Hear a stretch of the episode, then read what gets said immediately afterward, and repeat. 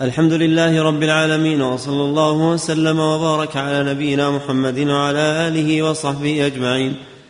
أما بعد في هذا اليوم التاسع والعشرين من شهر ربيع الأول لعام أربعة وثلاثين وأربعمائة وألف للهجرة الشريفة ينعقد هذا المجلس الأول في شرح كتاب الإيمان للإمام البخاري رحمه الله تعالى. لمعالي شيخنا الشيخ الدكتور يوسف بن محمد الغفيص حفظه الله تعالى. عضو هيئة كبار العلماء وعضو اللجنة الدائمة للإفتاء سابقا في جامع عثمان بن عفان رضي الله عنه بحي الوادي بالرياض. قال رحمه الله تعالى كتاب الإيمان. بسم الله الرحمن الرحيم. باب قول النبي صلى الله عليه وسلم بني الإسلام على خمس. وهو قول وفعل ويزيد وينقص. قال الله عز وجل ليزدادوا إيمانا مع إيمانهم. وزدناهم هدى. ويزيد الله الذين اهتدوا هدى. والذين اهتدوا زادهم هدى وآتاهم تقواهم ويزداد الذين آمنوا إيمانا وقوله عز وجل أيكم زادته هذه إيمانا فأما الذين آمنوا فزادتهم إيمانا وقوله عز وجل فاخشوهم فزادهم إيمانا وقوله عز وجل وما زادهم إلا إيمانا وتسليما والحب في الله والبغض في الله من الإيمان وكتب عمر بن عبد العزيز إلى إلى عدي بن عدي إن للإيمان فرائض وشرائع وحدودا وسننا فمن استكملها استكمل الإيمان ومن لم يستكملها لم يستكمل الإيمان فإن أعش فسأبينها لكم حتى تعملوا بها وإن أمت فما أنا على صحبتكم بحريص وقال إبراهيم عليه السلام ولكن ليطمئن قلبي وقال معاذ اجلس بنا نؤمن ساعة. وقال ابن مسعود وقال ابن مسعود اليقين الإيمان كله. وقال ابن عمر لا يبلغ العبد حقيقة التقوى حتى يدع ما حاك في الصدر. وقال مجاهد شرع لكم أوصيناك يا محمد وإياه دينا واحدا. وقال ابن عباس شرعة ومنهاجا سبيلا وسنة. الحمد لله رب العالمين وصلى الله وسلم على عبده ورسوله نبينا محمد وآله وأصحابه أجمعين. قال الإمام البخاري رحمه الله كتاب الإيمان. وهذا الذي اعتبره البخاري في ترتيبه لكتابه لما سمى كتاب الإيمان في كتابه الشريف وهو كتاب الصحيح الجامع للإمام أبي عبد الله محمد بن إسماعيل البخاري وهو من كبار أئمة المسلمين وزهادهم وعبادهم وعلمائهم وفقهائهم ومحدثيهم. فإن هذا الإمام اجتمع فيه من الصفات ما قلت في غيره. فإن في سيرته ذكرا لمقام عبادته وزهده وهو إمام عابد وزاهد من الزهاد وإمام من أئمة العبادة والتقوى. وكذلك هو إمام من كبار أئمة المحدثين وقد استفاض شأنه في إمامته في الحديث. وهو إمام من فقهاء المحدثين فإن له فقها شريفا بان فيما ذكره البخاري رحمه الله في صحيحه. ولا سيما في تراجمه وإشاراته حتى قيل إن فقه البخاري في تراجمه أي فيما وضعه من التراجم على الرواية. وكذلك في ترتيبه للروايات. ونقله لجمل بعض الروايات في أبواب قد لا يبين لغير الفقيه المحقق المناسبة بين هذه الرواية وذلك الباب أو ذلك الكتاب. فصار فقهه فقها سائرا وهو فقيه محقق وله تصانيف في الحديث وغيره وله تصانيف في الحديث وغيره. وكتب في أصول الدين كتابه خلق أفعال العباد. وهذا الكتاب في مسائل القدر ولكن من نظر في هذا السفر وهذا الجزء الذي كتبه البخاري وهو خلق أفعال العباد بان له أنه إمام فقيه وذو حجة ونظر ونظر في الأصول والقواعد وترتيب الأدلة الشرعية والعقلية بالغ التحقيق. فإنه رد على القدرية واستعمل من الطرق العقلية والشرعية ما يبين به ملكة الإمام البخاري وسعة فقهه في فقهه لمسائل الأصول ومسائل الفروع فهو إمام جامع من كبار أئمة المسلمين لكن لما غلب عليه الاشتغال بالحديث لم ينقل عنه كثير من الرأي في الفقه وهو وإلا فهو برتبة كبار فقهاء المحدثين بل هو من أوائلهم. وكتابه الصحيح الجامع هو أشرف الكتب المصنفة في السنة النبوية باتفاق أهل العلم في الجملة. باتفاق أهل العلم في الجملة ومنهم من قدم مسلما كما هو رأي لبعض متأخر أهل المغرب لكن ليس الأمر كذلك. فإن امتياز البخاري في روايته وفي فقهه أبين. فإن امتياز البخاري في روايته وفي فقهه وفي شرطه أبين. وكذلكم بقية كتب السنة المصنفة التي لا بد لطالب العلم من حسن العناية بها. ولو كان له إقبال إلى علم الفقه أو علم الأصول أو علم التفسير أو الاعتقاد فإن هذه الكتب هي الأصل التي لا بد لكل ناظر في الشريعة أن يكون مقيما على كثرة النظر فيها. بعد كتاب الله وهي كتب السنة وأشرفها في التصنيف صحيح البخاري ثم صحيح مسلم. فهذان الصحيحان هما أشرف الكتب المصنفة في السنة من جهة الصحة. وكذلك هم السنن الأربع وسنن الدارمي وموطأ مالك ومسند الإمام أحمد. فهذه الكتب التسعة الجامعة وفيها كتب أخرى أو ثمة كتب أخرى من الرواية. لكن هذه التسعة هي التي مقدمة على غيرها من جهة العناية بشأنها لمعرفة آثار النبي وسننه صلى الله عليه وآله وسلم. وجعل في كتابه عن الإمام البخاري جعل فيه في الأصول في أصول الدين كتبا. جعل فيه في أصول الدين كتبا. ابتدأها بكتاب بدء الوحي فإن هذا في أصول الدين وإثبات النبوة. فإن هذا في أصول الدين وإثبات النبوة وسنعود إلى النظر فيه إن شاء الله وقراءته لكن لما جرى الإعلان بكتاب الإيمان أبقينا الأمر على ما جرى الترتيب عليه. وإلا سنأخذ الكتب التي رتبها الإمام البخاري في أصول الدين ومنها الكتاب الأول ومنها الكتاب الأول كذلك. قوله رحمه الله كتاب الإيمان وذكر في صحيحه كتاب التوحيد. الإيمان هو من الأسماء الشرعية ولكنه في تصانيف العلماء يقع على أحد اعتبارين. إما على الاعتبار العام أو على الاعتبار الخاص. الإيمان من الأسماء الشرعية فإن الله ذكره في كتابه كثيرا وجعله امرا يا أيها الذين آمنوا آمنوا بالله ورسوله وجعله صفة قد أفلح المؤمنون إلى غير ذلك. فالإيمان من الأسماء الشرعية. وقال النبي صلى الله عليه وسلم الإيمان شهادة أن لا إله إلا الله وأن محمدا رسول الله وإقام الصلاة وصوم رمضان وأن تؤدوا خمسا من المغنم كما في حديث عبد القيس فهو من الأسماء المتواترة في الشريعة. وأما في تصانيف المصنفين من العلماء فإنهم صنفوه ولا سيما أئمة السنة والجماعة صنفوه على أحد معنيين. إما المعنى العام في التصنيف أو المعنى الخاص. ويراد بالمعنى العام جمع مسائل أصول الدين تحت كتاب الإيمان سواء كانت في زيادته ونقصانه ومسماه أو كان في باب القدر أو كان في باب مرتكب الكبيرة أو كان في باب النبوة أو كان في باب توحيد العبادة يجمعون ذلك كله تحت مسمى كتاب إيش؟ كتاب الإيمان. على المعنى العام على المعنى العام للإيمان لأن هذا كله داخل في الإيمان. كما قال النبي الإيمان أن تؤمن بالله وملائكته وكتبه ورسله واليوم الآخر والقدر خيره وشره. في حديث جبريل الإيمان فسر في حديث جبريل بهذا فهذا على المعنى العام للإيمان ولهذا يقال دين الإسلام هو الإيمان. فإذا قيل ما الإيمان قيل الإيمان بالله وملائكته وكتبه ورسله واليوم الآخر والقدر خيره وشره. وهذه طريقة الإمام مسلم في صحيحه لما جعل في أوائل صحيحه كتاب الإيمان. جعل في أوائل صحيحه كتاب الإيمان. كتاب الإيمان عند مسلم جامع لمسائل أصول الدين.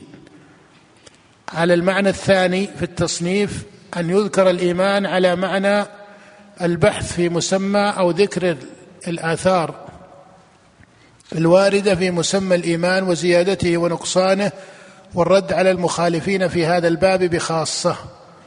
والرد على المخالفين في هذا الباب بخاصة فهذا مقام من مقامات الإيمان وهي مسألة مسمى الإيمان وأنه قول وعمل وأنه يزيد وينقص والرد على من نازع في هذا. فهذا المعنى الخاص. وعليه جرى تصنيف الإمام البخاري رحمه الله ولهذا رأيت أنه وضع كتابا سماه كتاب التوحيد. فلماذا جعل كتاب التوحيد في صحيحه؟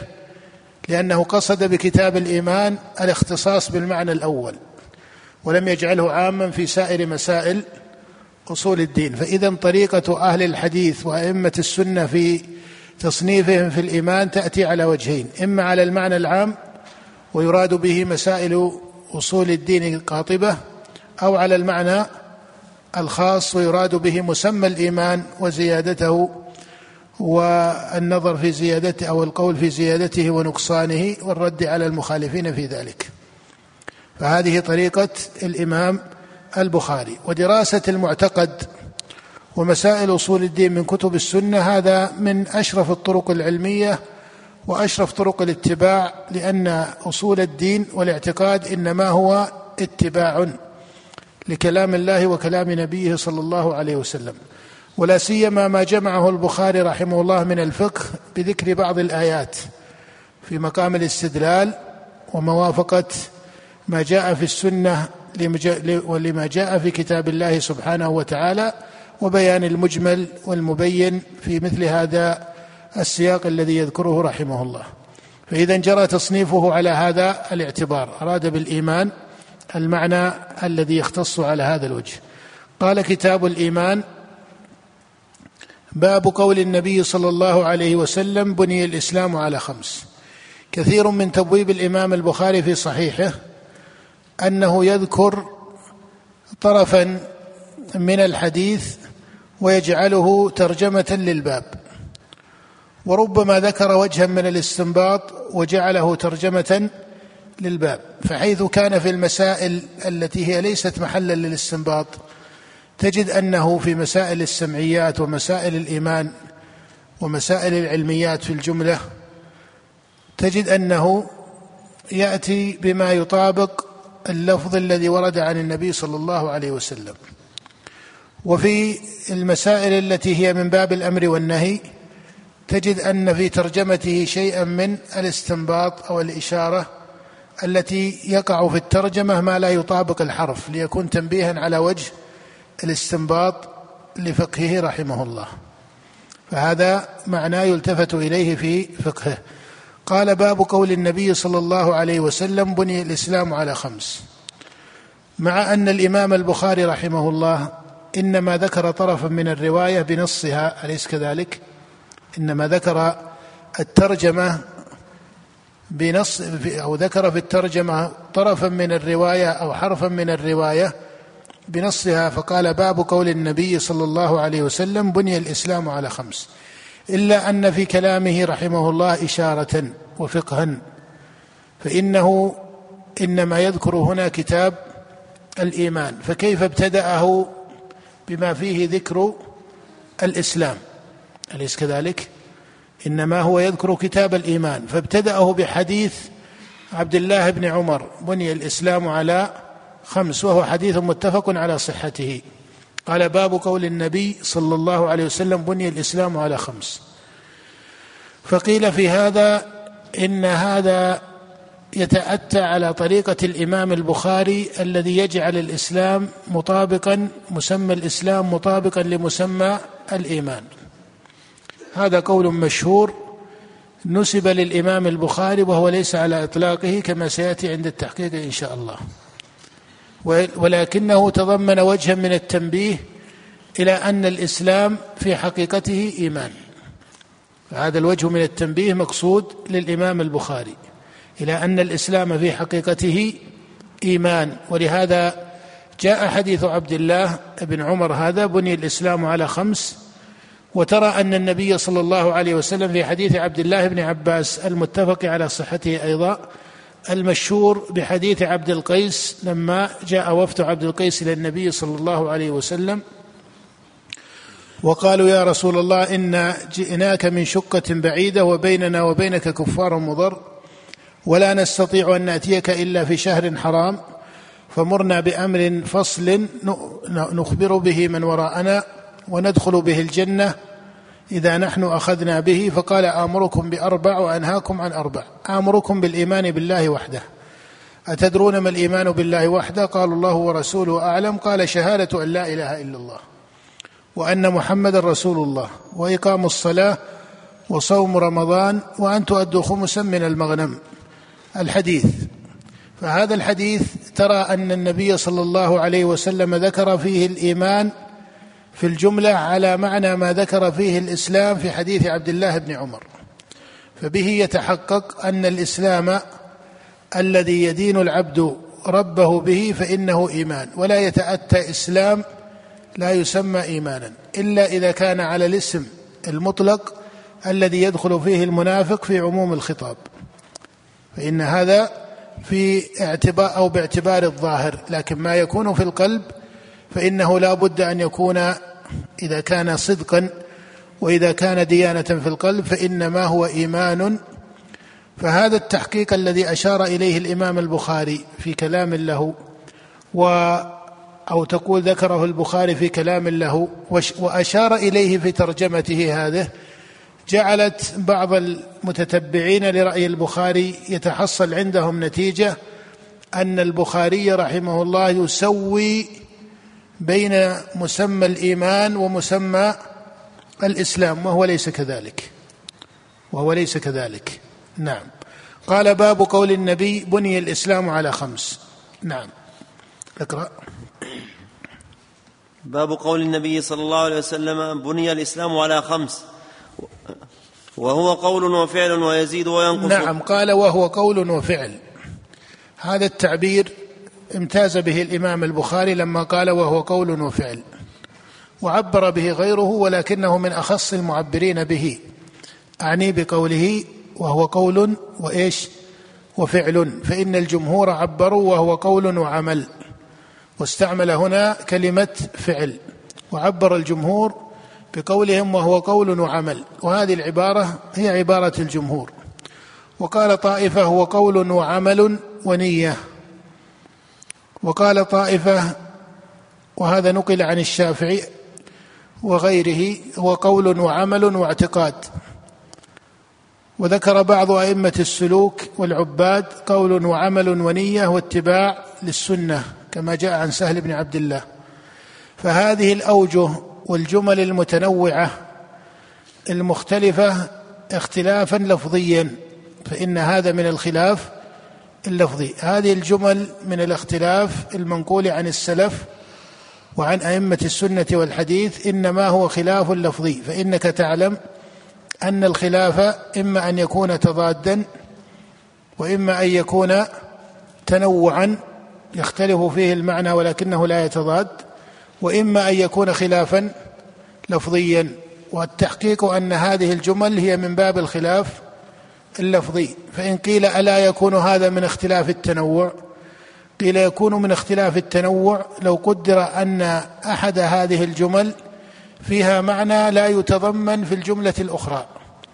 أما وقد قيل إن كل معنى يقدر في جملة فإنه يقدر في غيرها لكن قدر في هذه مطابقة وقدر في هذه تضمنا فإنه يعود إلى حقيقة واحدة. ولهذا إنما هو اختلاف في الألفاظ.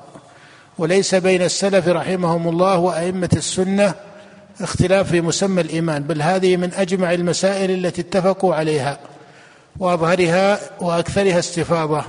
ولهذا قال الإمام البخاري رحمه الله لقيت أكثر من ألف أستاذ في الأمصار كلهم يقولون الإيمان قول وعمل وحكى الإمام الشافعي الإجماع على هذا وهذا متواتر حتى عند أئمة الكوفة حتى عند أئمة الكوفة قبل مخالفة حماد بن أبي سليمان قبل مخالفة حماد بن أبي سليمان. فإن حماد بن أبي سليمان هو أول إمام يعد من أئمة السنة والجماعة خالف في مسألة الإيمان. أما مخالفة أئمة البدع فهذا مقام آخر لا يخفى.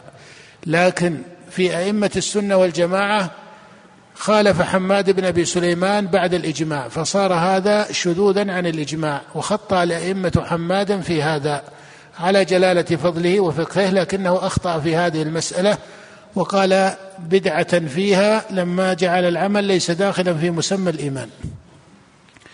ولكن هذا ليس مذهبا لسائر الكوفيين ولهذا لما جمعوا في الآثار كما ذكر الإمام اللالكائي في شرح أصول أهل السنة والجماعة أو شرح أصول السنة لما روى الإمام اللالكائي وكذلك أبو بكر الآجري في كتاب الشريعة لما روى الآثار عن أئمة السنة أنهم يقولون الإيمان قول وعمل نقل عن الكوفيين أكثر مما نقل عن كثير من الأمصار. لماذا نقل عن أئمة كوفيين أكثر من كثير من الأمصار؟ ليبين لك أن ما ذكر حماد ليس شأنا ممتدا عند أئمة الكوفيين وإنما هو قول عرض في أئمة الكوفة. قاله حماد بن أبي سليمان ودخل بعد ذلك في كلام الإمام أبي حنيفة وشاع في كلام طائفة من الحنفية بما عرف للإمام أبي حنيفة من للإمام أبي حنيفة من الشيوع والذيوع في الفقه. فصار هذا القول لا يعد خلافا بين أهل السنة والجماعة وإن كان حماد بن أبي سليمان من أهل السنة. لكن يقال إن هذا مخصوم بالإجماع أو متروك بالإجماع قبله فإن الإجماع قد انعقد زمن الصحابة فضلا عمن بعدهم على أن الإيمان قول وعمل. فهذه من المخالفة التي لا تعتبر ولا تجعل المسألة بهذا الوجه من موارد الخلاف بين الأئمة بل هي من موارد الإجماع لأن الإجماع منعقد قبل حماد بن أبي سليمان. لأن الإجماع منعقد وهو إجماع الصحابة وأئمة التابعين بعدهم إلى آخره. قال الإمام البخاري وهو قول وفعل. إذا معناها واحد. ولهذا الجملة التي عبر بها الجمهور قول وعمل ومثلها كلمة البخاري قول وفعل. بعض المتأخرين من الشراح أراد أن يميز للبخاري معنى يختص به. فهذا قد يلتفت إليه الناظر المبتدئ فيراه تميزا في الفقه. أن البخاري أشار إلى معنى امتاز به لم يمتز به غيره وهو ليس كذلك. لأن هذا المقام مقام صريح عند الأئمة ليس من مقام الأمر والنهي ومفصل الفروع الذي يكون لإمام من الامتياز فيه أكثر مما لغيره من جهة فقهه كأصل. صحيح أن بيانهم يكون متفاوتا للأصول لكنهم من حيث المقصود بها لا يختلفون فيه. اذا قالوا قول وعمل. ولهذا من قال قول وعمل قد يقول قائل أين الاعتقاد؟ نقول القول عندهم قول القلب وقول اللسان. والعمل عندهم عمل القلب وعمل الجوارح. وكذلك البخاري لما قال قول وفعل هو قول القلب وقول اللسان. وفعل القلب وفعل الجوارح. أما قول اللسان فبين وأما قول القلب فما هو؟ قول القلب تصديقه وعلمه هذا قول القلب. وعمل القلب أو فعل القلب حركته بهذا التصديق أو هذا الفعل بالأفعال أو أو الأعمال المناسبة له كالمحبة والخوف والرجاء إلى آخره. وفعل أو عمل الجوارح هذا ظاهر. كطوافه بالبيت فهذا فعل الجوارح. ولا يتأتى إيمانا فعل الجوارح إلا ويصاحبه إلا ويصاحبه فعل القلب. ولا يتأتى فعل الجوارح وفعل القلب إلا ويصاحبه أصله وهو العلم والمعرفة. إلا وهو العلم والمعرفة. فصار الإيمان لا يتصور وقوعه حقيقة دينية يرضاها الله جل وعلا إلا حيث كان علما وعملا في القلب وماذا؟ والجوارح. ولهذا توهم المرجئة لما قالوا كيف يكون عمل الجوارح إيمانا؟ هو توهم عقلي فضلا عن كونه من باب أشهر وأظهر توهما شرعيا. ما وجه كونه توهما عقليا؟ هم فرضوا أن عمل الجوارح يقع مجردا ويسمى ايمانا وهذا ليس كذلك. فلو أن احدا دار بالكعبة يبحث عن مفقود له عن طفل له هل نقول إنه طاف بالبيت؟ لو دار بها سبعا يبحث عن طفل أضاعه وقد بقي عليه طواف الإفاضة. هل نقول أجزأه؟ لا. لماذا؟ الفعل من حيث الشكل واحد أليس كذلك؟ لكن من حيث القلب من جهة فعله وعمله ومن جهة مقام القول القلبي الذي هو العلم والتصديق وما إلى ذلك ليس كذلك. ولهذا اشترط الفقهاء في هذه الأعمال العبادية اشترطوا النية.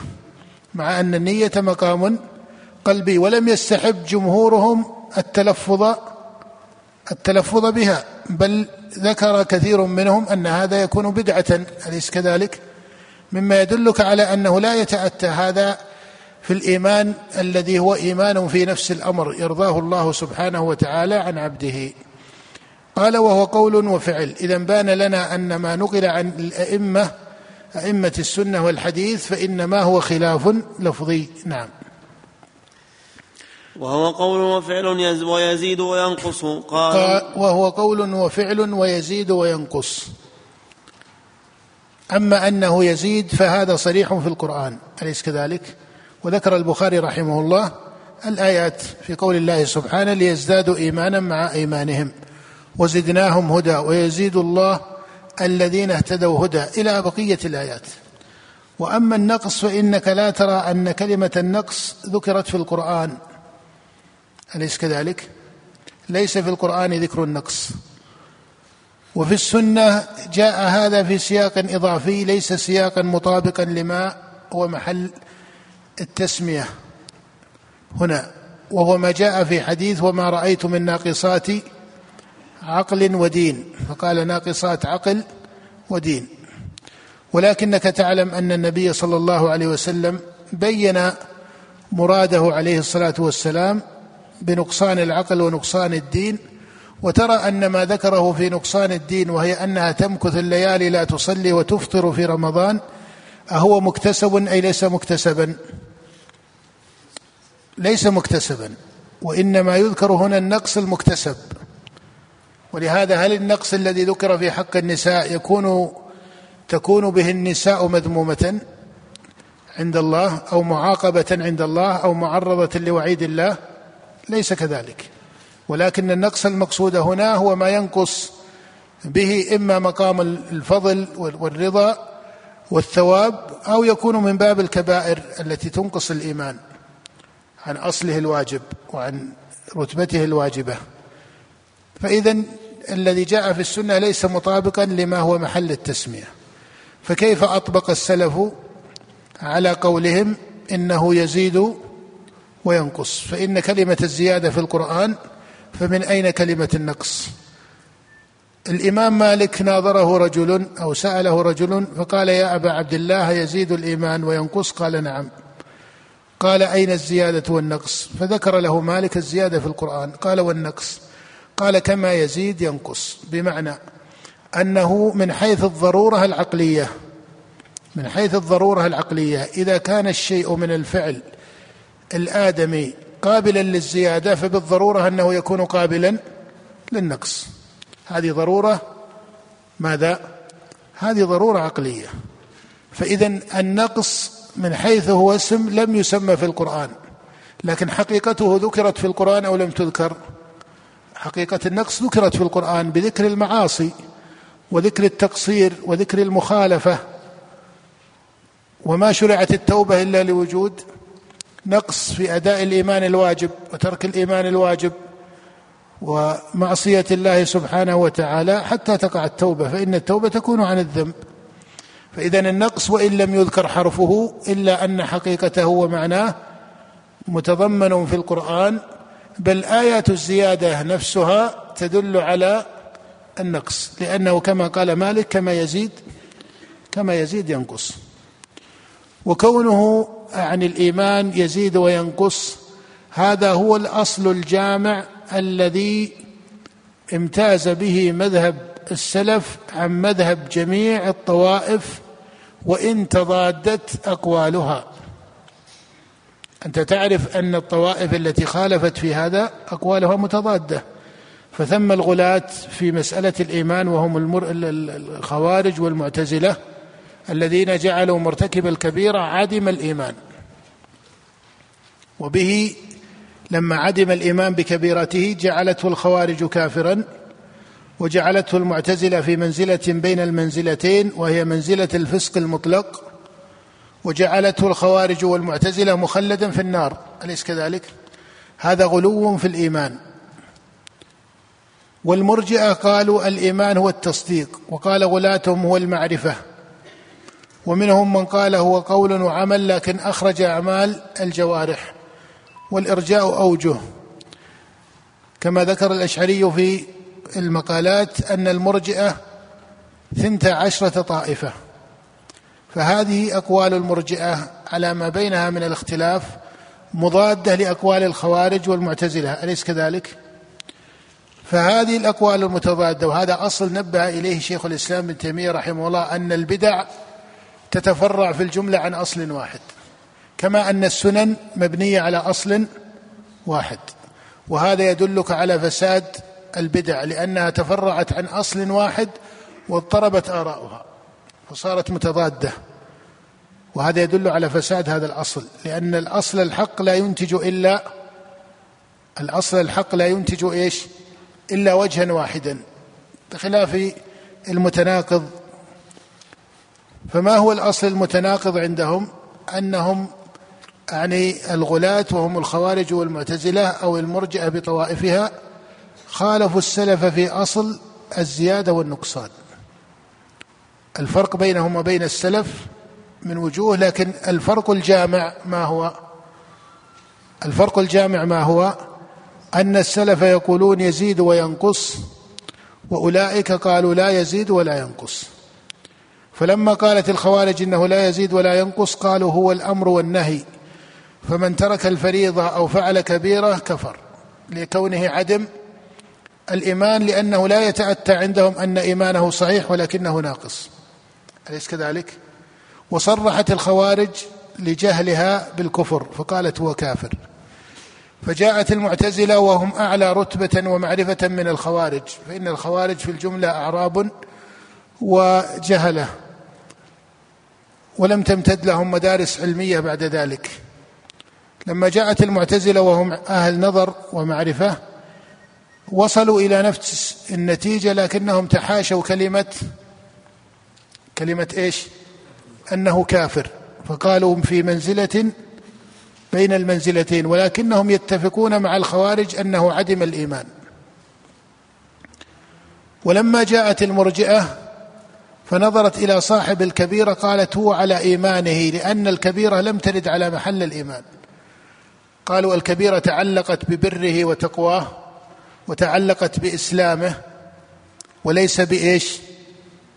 تعلقت بأثر على إسلامه وعلى تقواه وعلى بره وليس على إيمانه فإن إيمانه معرفته أو معرفته بالله وهي لا تزال قائمة. اذا إيمانه كما هو. ولما جاء مقتصده المرجئة المنتسبون للسنة والجماعة وجدوا القرآن صريحا بتسمية زيادة الإيمان. أليس كذلك؟ فراحوا يقولون إن الذي زاد ليس الإيمان نفسه الذي زاد ليس الإيمان نفسه وإنما الزيادة هي زيادة الاستدلال زيادة العلم ليزدادوا إيمانا أي بكثرة العلم بالإيمان. وإلا الإيمان من حيث هو ماهيه يقولون واحد لا يزيد ولا ينقص. فاذا الأصل الجامع للبدع في مسألة الإيمان غلاة أو مرجئة هو نفيهم وإنكارهم لزيادة الإيمان من حيث هو. وإلا سترى في كتب المرجئة المتأخرين أنهم يقولون بزيادة الإيمان لكن يفسرون الزيادة بالزيادة العلمية. والزيادة العلمية زيادة في الإيمان صحيحة. الزيادة العلمية زيادة في الإيمان صحيحة ولكن الخطأ أين وقع؟ لما قصروا معنى الزيادة المسمى في القرآن على الزيادة العلمية وإلا فلا شك أن الإيمان يزيد بالعلم. لكن كما يزيد بالعلم فإنه يزيد بالعمل. فإن من علم فقها في الشريعة زاد إيمانه ومن علم حديثا وسنة زاد إيمانه. كما أن من صلى الضحى في يومه زاد إيمانه ومن صام المحرم أو أكثر من صيام المحرم زاد إيمانه. بل من صام الفريضة رمضان زاد إيمانه ومن صلى الصلوات زاد إيمانه. فإذا خطأهم في قصرهم الزيادة على العلم ونحوه وليس من حيث الأصل. نعم إذا قال ويزيد وينقص. قال الله عز وجل قال الله عز وجل ليزدادوا إيمانا مع إيمانهم وزدناهم هدى ويزيد قال الله, الله عز وجل التعبير وهذا من أدب التعبير وقد يستغرب لكن يحسن التنبيه إليه. التعبير الذي درج عليه المتقدمون رحمهم الله أنهم إذا ذكروا الله جل وعلا ونبيه صلى الله عليه وسلم قالوا قال الله عز وجل كثر عند المتأخرين قال تعالى أو الإشارة إلى النبي بالضمير. وهذا إذا غلب لا يكون حسنا. فإن النبي حيث ذكر يسمى باسم النبوة والرسالة. قال النبي صلى الله عليه وسلم أولى من قولك قال صلى الله عليه وسلم. وإن كان الثاني مفصحا بالأمر ولا شك لكن هذا إذا قلت قال رسول الله صلى الله عليه وسلم قال النبي صلى الله عليه وسلم هذا أكثر أدبا مع النبي صلى الله عليه وسلم وهو التصريح بإظهار الاسم وعدم إضماره التصريح باسم نبوته.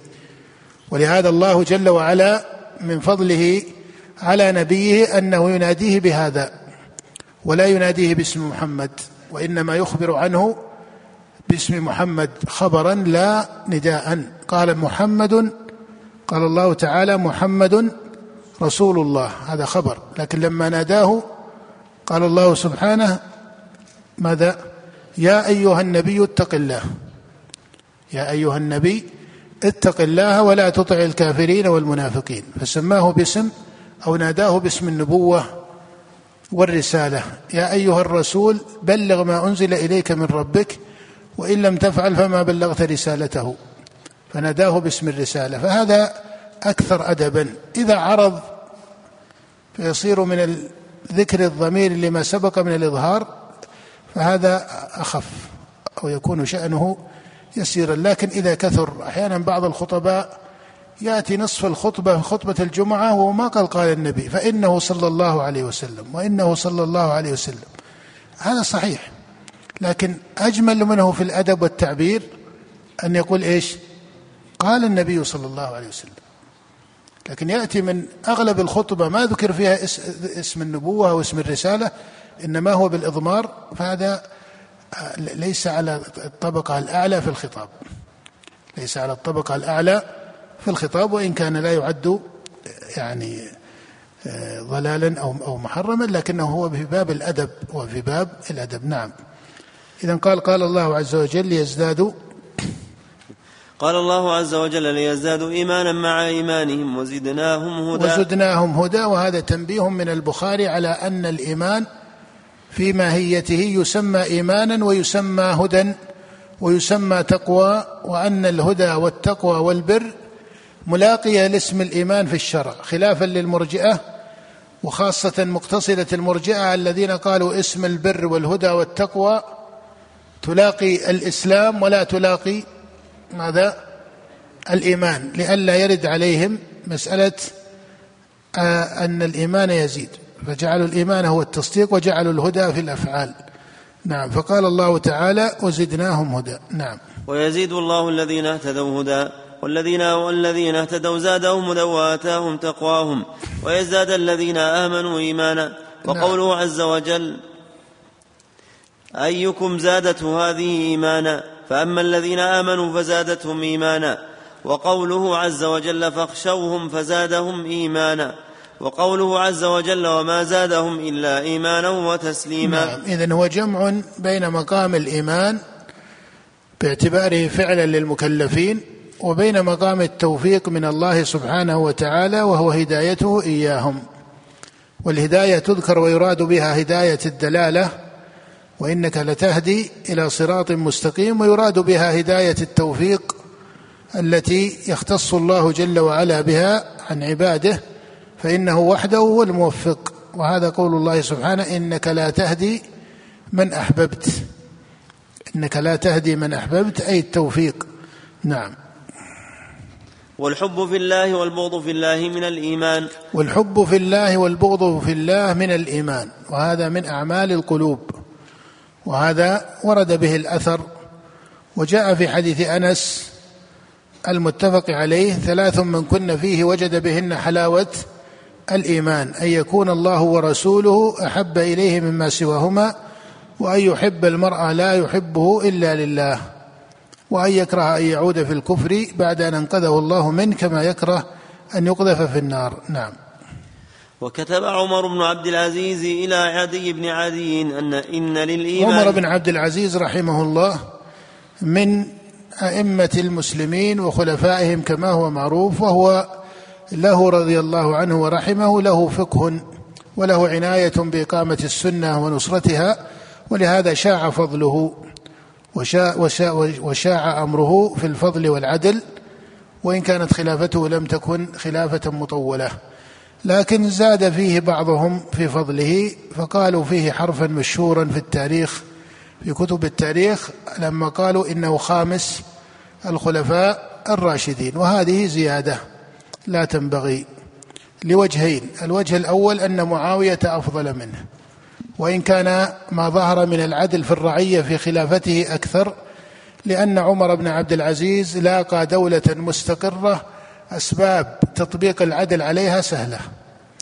ومعاوية كان في زمن فيه فتن كان زمن فيه فتن ما استقرت الدولة الأموية كانت في بدايتها وكان يقابله رجال أفضل منه وأقرب إلى المسلمين منه وهم بعض الصحابة الذين نازعوه رضي الله عنهم كالحسين بن علي وعبد الله بن الزبير فإنهم وإن كان معاوية صحابيا له فضل لكن الحسين بن علي وابن الزبير أفضل منه. ففي زمنه خلاف وفي زمنه فتنة أصحاب الفتنة وأصحاب الفتنة ليسوا هم الصحابة حاشاهم عن ذلك لكن كان الذين دبروا مقتل عثمان ودبروا مقتل علي بن أبي طالب من الخوارج ومقتل الحسين بن علي أو شاركوا في هذا هم أصحاب الفتنة. من أصحاب أو أو أو من الأمويين أو غير الأمويين. فمعاوية رضي الله عنه صحابي فهو أفضل من عمر بن عبد العزيز. ولهذا استنكر هذا لما سئل عنه ابن المبارك استنكر هذا الأمر. والإمام أحمد رحمه الله لما بلغه من يقول إن عمر بن عبد العزيز خامس الخلفاء الراشدين وهذا هو المعنى الثاني أنكره أيضا. أنكر الإمام أحمد هذا الحرف مع إجلاله يعني الإمام أحمد لعمر بن عبد العزيز. لكنه أنكر هذه الكلمة وقال الإمام أحمد ألم يقل النبي صلى الله عليه وسلم الخلافة بعدي ثلاثون سنة. فإنك إذا قلت إن عمر خامس الخلفاء جاوزت هذا المعنى من السنة. والثلاثون سنة انتهت بمقتل علي بن أبي طالب. ما بقي فيها إلا بضعة أشهر. ما بقي منها إلا بضعة أشهر. وعمر بن عبد العزيز جاء بعد ذلك كما هو بين. وهذه البضعة أشهر منهم من جعلها في إمارة الحسن بعد أبيه رضي الله عنهما. إذا عمر له فضل وفقه وإمامة لكن يقتصد في الأمر حتى لا يجاوز السنن كما نبه إليه ابن المبارك في تفضيله على معاوية أو نبه إليه الإمام أحمد في كلمة إنه خامس الخلفاء الراشدين. هذا لا يتجوز فيه. نعم. إن للإيمان فرائض وشرائع وحدودا وسننا فمن استكملها استكمل الإيمان. نعم. فهذا كان مستفيضا. عند السلف والفقهاء والأئمة بل حتى عند الأمة. فإن عامة المسلمين الذين لم يستفصلوا في هذه الآراء وهذه الأقوال لا يعرفون الإيمان إلا العبادة لله سبحانه وتعالى ويعرفون أنهم بعبادتهم يزيد إيمانهم. فهذا معنى مستقر في نفوس السواد والعامة من المسلمين من صدر الإسلام إلى اليوم. من صدر الإسلام إلى اليوم فإن العامة وحتى الأعراب في بواديهم يدركون أن تعبدهم وصلاتهم وصيامهم وبرهم وإحسانهم فهو إيمان يقربهم إلى ربهم ويزدادون به إيمانا والسواد والعامة من المسلمين إذا سمعوا قول الله ليزدادوا إيمانا مع إيمانهم يتحصل في قلوبهم علما ظاهرا مستقرا أن الزيادة تكون بإيش؟ بالأفعال أي بالعبادات.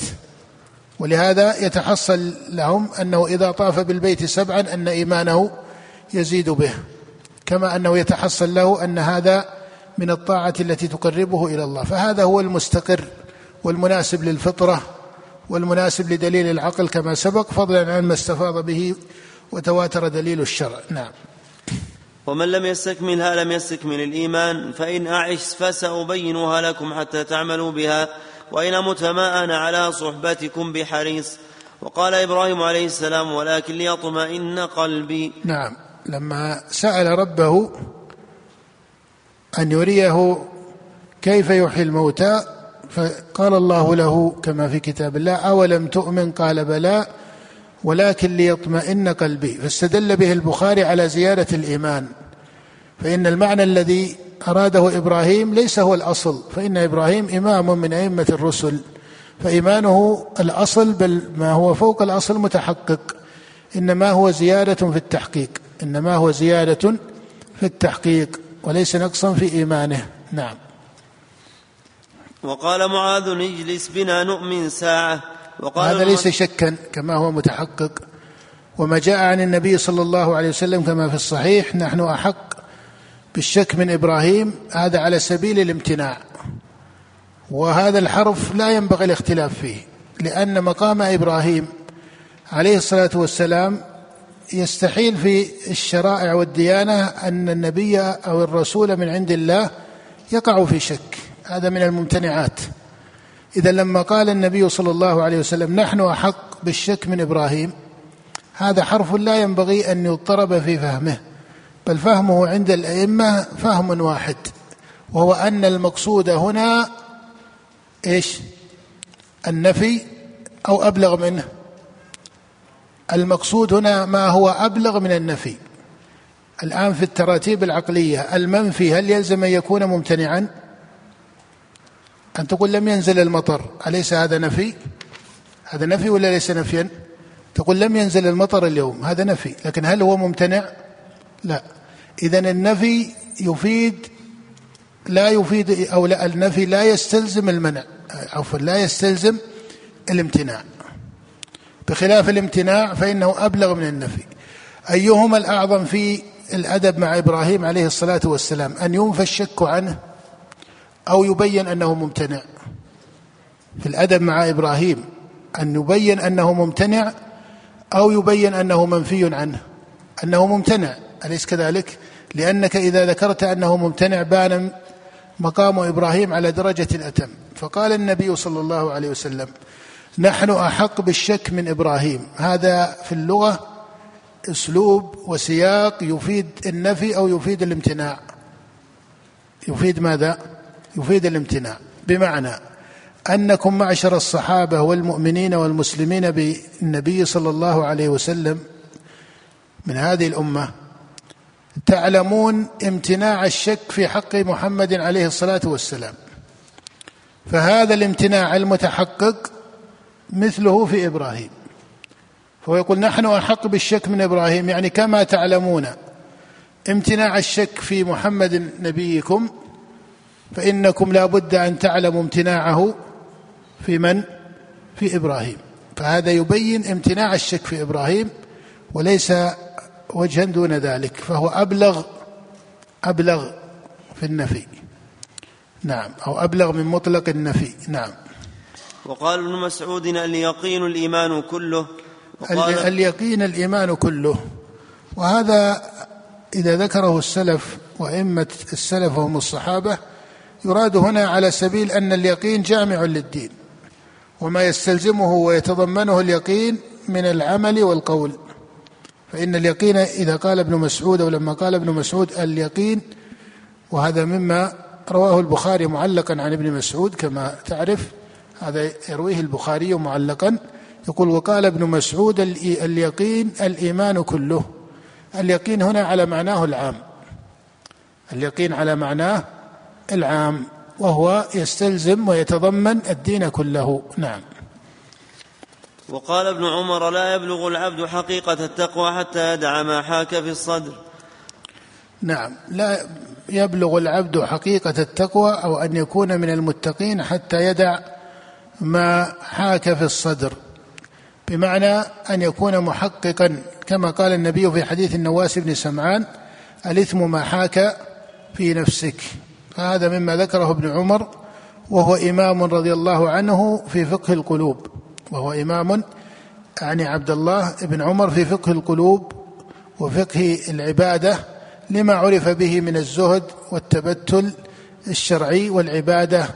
ولهذا كان معاوية لما أوصى يزيدا وفي نفس ابن عمر شيء قال ما أخاف عليك ابن عمر فإنه يمنعه دينه. قال ما أخاف عليك ابن عمر فإنه يمنعه دينه لأنه كان ورعا رضي الله تعالى عنه. نعم. وقال مجاهد شرع لكم أوصيناك يا محمد وإياه دينا واحدا. وقال مجاهد شرع لكم من الدين فسره مجاهد أوصيناك يا وإياه يا محمد أي دينا واحدا وهو دين الأنبياء وهو التوحيد والإيمان. شرع لكم من الدين ما وصى به نوحا الذي هو الإيمان الذي هو التوحيد الذي هو المعرفة والعبادة والإخلاص لله سبحانه وتعالى. نعم. وقال ابن عباس شرعة ومنهاجا سبيلا وسنة. سبيلا وسنة. شرعة ومنهاجا سبيلا وسنة. وكلمة ابن عباس رضي الله عنهما جامعة. فإنه قال سبيلا والسبيل هو الطريق. أليس كذلك؟ وهذا يفيد أن الشرعة هي الطريق الذي تطبق فيه الشريعة. وقال وسنة. وهذا إشارة إلى المصدر. فإن السبيل يسلكه السالك بناء على ماذا؟ على مستند وبناء على مصدر فأنت تعبد الله فعبادتك تسمى سبيلا والصلاة تسمى سبيلا وكون الصلاة معتبر صفتها واتباعها بالمصدر وهو القرآن والسنة هذا يسمى إيش؟ سنة ليست السنة على معناها عند أهل الرواية المروي عن النبي فحسب بل حتى ما في القرآن يسمى سنة بهذا الاعتبار. ولهذا قيل أهل السنة والجماعة. فصار اتباعهم للقرآن يسمى ماذا؟ يسمى سنة. فكلمة ابن عباس كلمة جامعة. لماذا؟ لأن الشرعة والشريعة في اللغة الشرعة والشريعة في اللغة تأتي على هذين المعنيين. فإن العرب تقول الشريعة وتريد بالشريعة الطريق المستقيم والجادة المعروفة. ولهذا يقولون شريعة بني فلان أي طريقهم وجادتهم. وهذا يناسب قول ابن عباس إيش؟ سبيلا. يناسب قول ابن عباس سبيلا.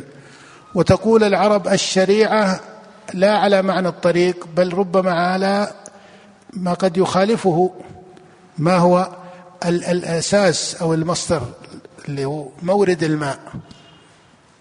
ليس جريان الماء بل مورد الماء. فمثلا في العين نبعها تسميه العرب إيش؟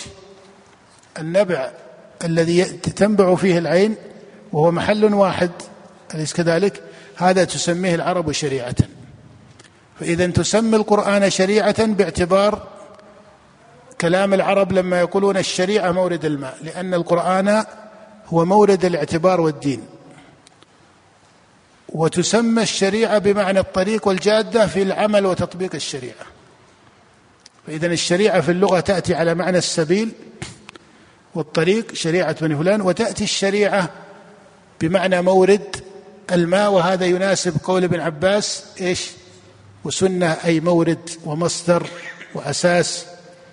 الشريعة في اللغة بمعنى الطريق هذا مشهور في لغة العرب. والشريعة في اللغة بمعنى مورد الماء أيضا هذا جاء في كلام العرب وهو موجود في شعرهم. ومنه قول امرئ القيس وهو يصف صيدا قال ولما رأت يعني الظباء يقول ولما رأت أن الشريعة وردها وأن البياض من فرائصها دامي تيممت الماء الذي عند ضارج يفيء عليها الظل عرمطها طامي. فقال ولما إيش؟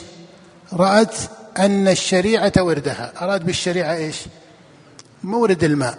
يقول ولما رأت أن الشريعة وردها وأن البياض من فرائصها دامي تيممت الماء الذي عند ضارج يفيء عليها الظل عرمطها طامي. أي أن الظباء اتقت الصياد حتى لا تنكشف له فقصدت مورد الماء ومنبع الماء ومورد الماء ومنبع الماء لأن الماء فيه مقيم في الحول يكثر فيه القصب الأخضر فإذا دخلت هذه الظباء بين هذا القصب الملتف على منبع الماء ما استطاع الصياد أن يميز مقتلها في رميه. هذا المقصود من من تصويره الشعري. إذا المقصود أن كلمة ابن عباس رضي الله عنه كلمة جامعة في تفسير الآية. قال سنة أو قال سبيلا وسنة. نعم. قف على هذا وبالله التوفيق وصلى الله وسلم على عبده ورسوله نبينا محمد.